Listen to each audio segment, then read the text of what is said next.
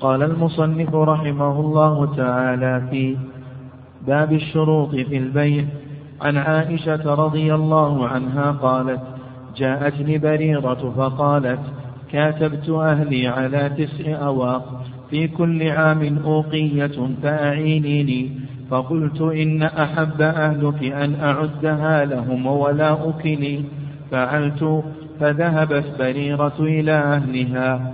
فقالت لهم فأبوا عليها فجاءت من عندهم ورسول الله صلى الله عليه وسلم جالس فقالت إني عرضت ذلك عليهم فأبوا إلا أن يكون لهم الولاء فأخبرت عائشة النبي صلى الله عليه وسلم فقال خذيها واشترطي لهم الولاء فإنما الولاء لمن أعتق ففعلت عائشة ثم قام رسول الله صلى الله عليه وسلم في الناس فحمد الله وأثنى عليه ثم قال أما بعد فما بال رجال يشترطون شروطا ليست في كتاب الله ما كان من شرط ليس في كتاب الله فهو باطل وإن كان مئة شرط قضاء الله أحق وشرط الله أوثق وإنما الولاء لمن أعتق. بسم الله الرحمن الرحيم. إن الحمد لله نحمده ونستعين ونستغفره ونعوذ بالله من شرور أنفسنا ومن سيئات أعمالنا. من يهده الله فلا مضل له ومن يضلل فلا هادي له. وأشهد أن لا إله إلا الله وحده لا شريك له. وأشهد أن محمدا عبده ورسوله. قال المؤلف فيما نقله في كتابه عن عائشة رضي الله عنها قالت جاءتني بريرة فقالت كتبت أهلي. تقدمت عليه في الكتابة على تسع أواقب تقدم أيضا على ذلك في كل عام أوقية فأعينيني. فقالت إن أحب أهلك يعني أسيادك التي أنت ملكا. لهم وكتبت أهلك أهلك آه، وكتبت وكتبتيهم أن أعدها لهم يعني أن أدفع هذا المال.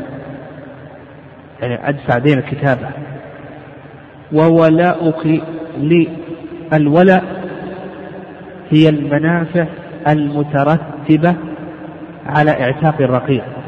يعني إذا حصل اعتاق للرقيق فإن المعتق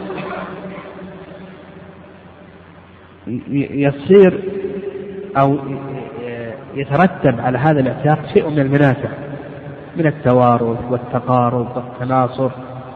وقد ذكر النبي صلى الله عليه وسلم وقد جاء في الحديث الولاء لحمة كلحمة النسب. يعني الولاء لحمة كلحمة النسب. فالمنافع المترتبة على العتق هذه تكون للمعتق.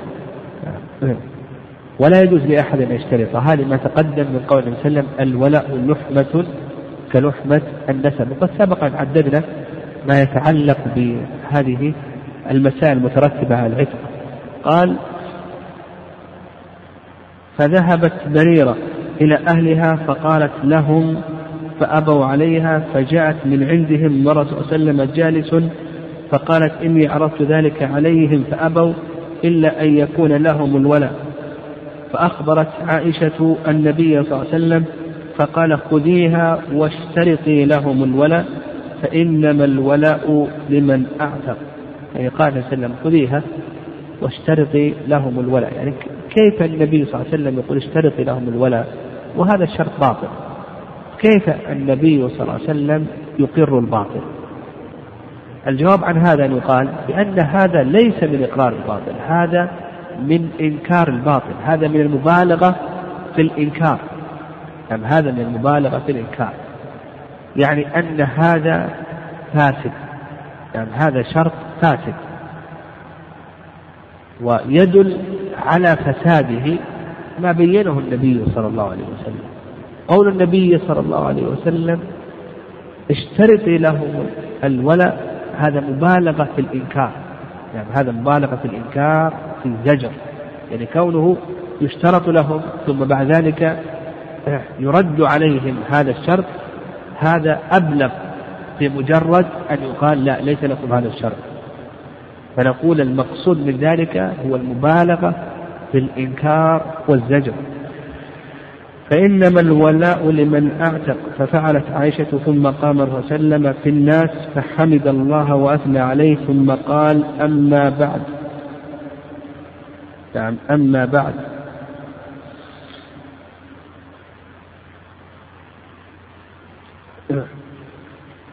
فما بال رجال يعني ما حال رجال؟ يشترطون شروطا ليست في كتاب الله؟ ما كان من شرط ليست في كتاب الله ليست في شرع الله ولا في حكمه المنزل. ما كان من شرط ليس في كتاب الله فهو باطل وإن كان مئة شرط قضاء الله أحق. يعني ما قضاه الله عز وجل في كتابه أو على لسان رسوله صلى الله عليه وسلم فهو هو الحق.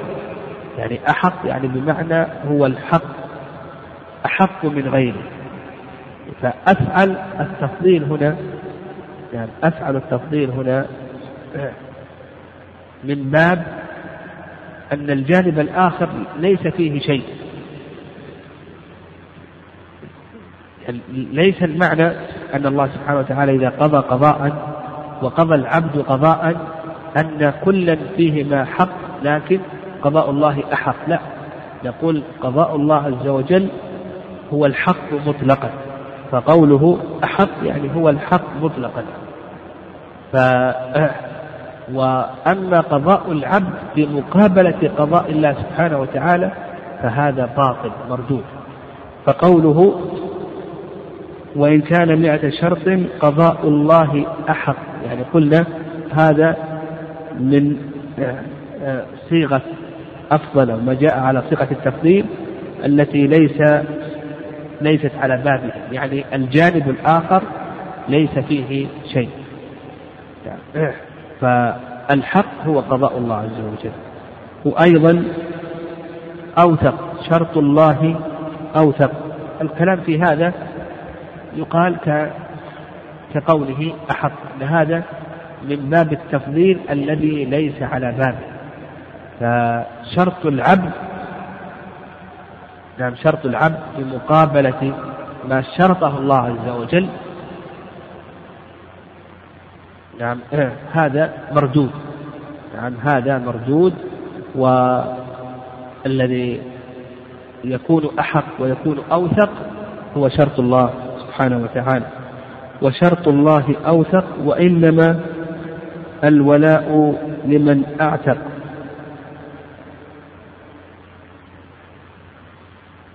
نعم. فالذي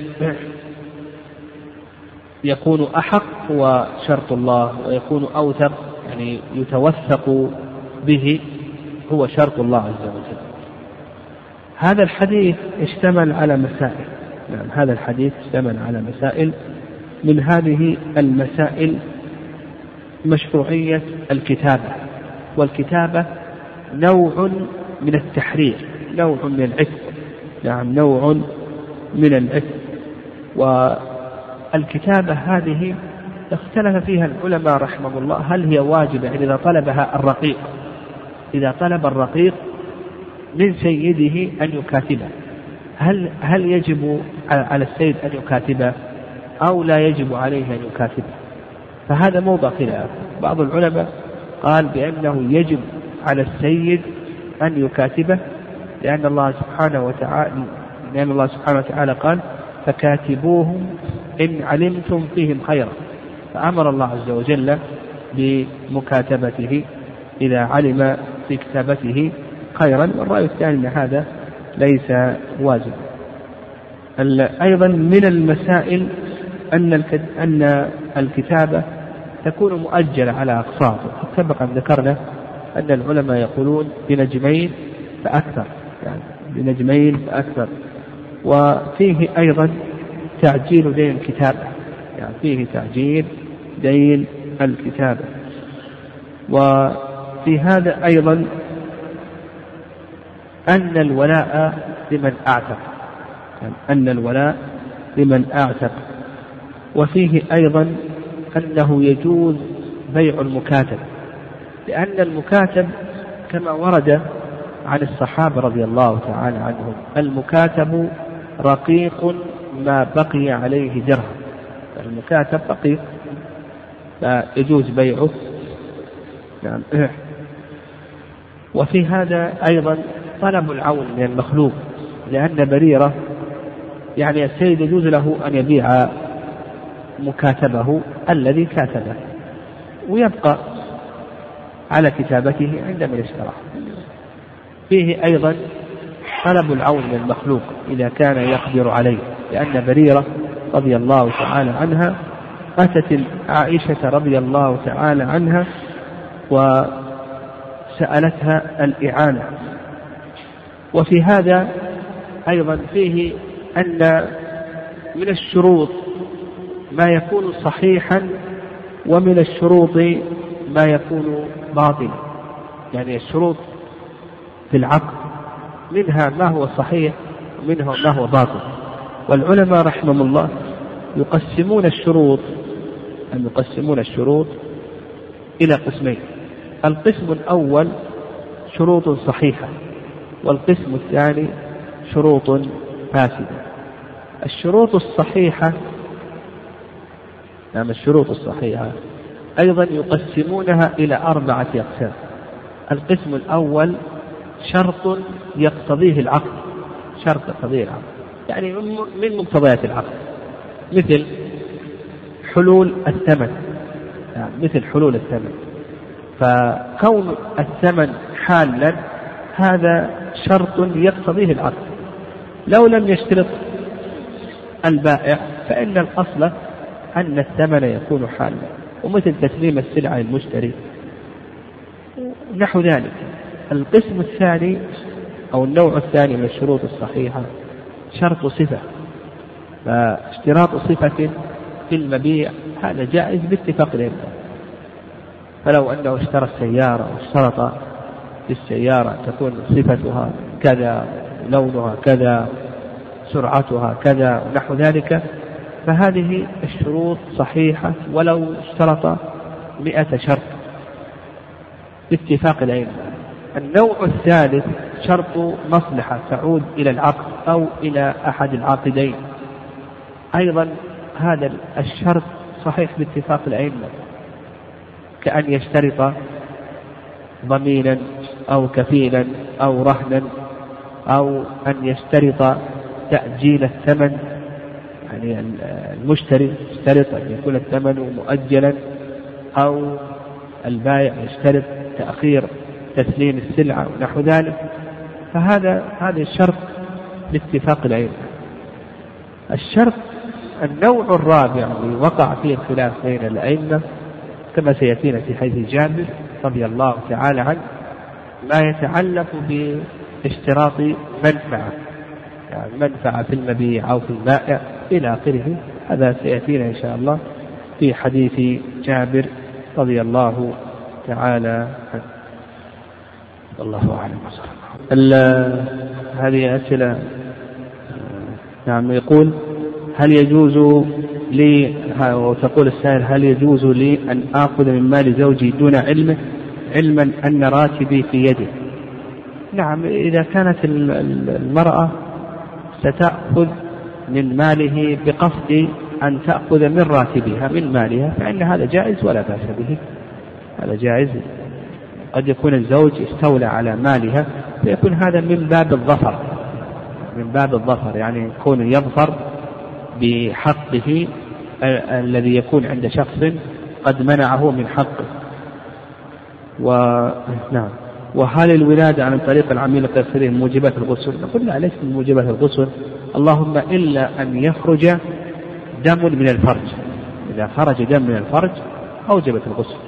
أما إذا لم يخرج من الفرج دم فإنها فإن هذا لا يوجب الغسل.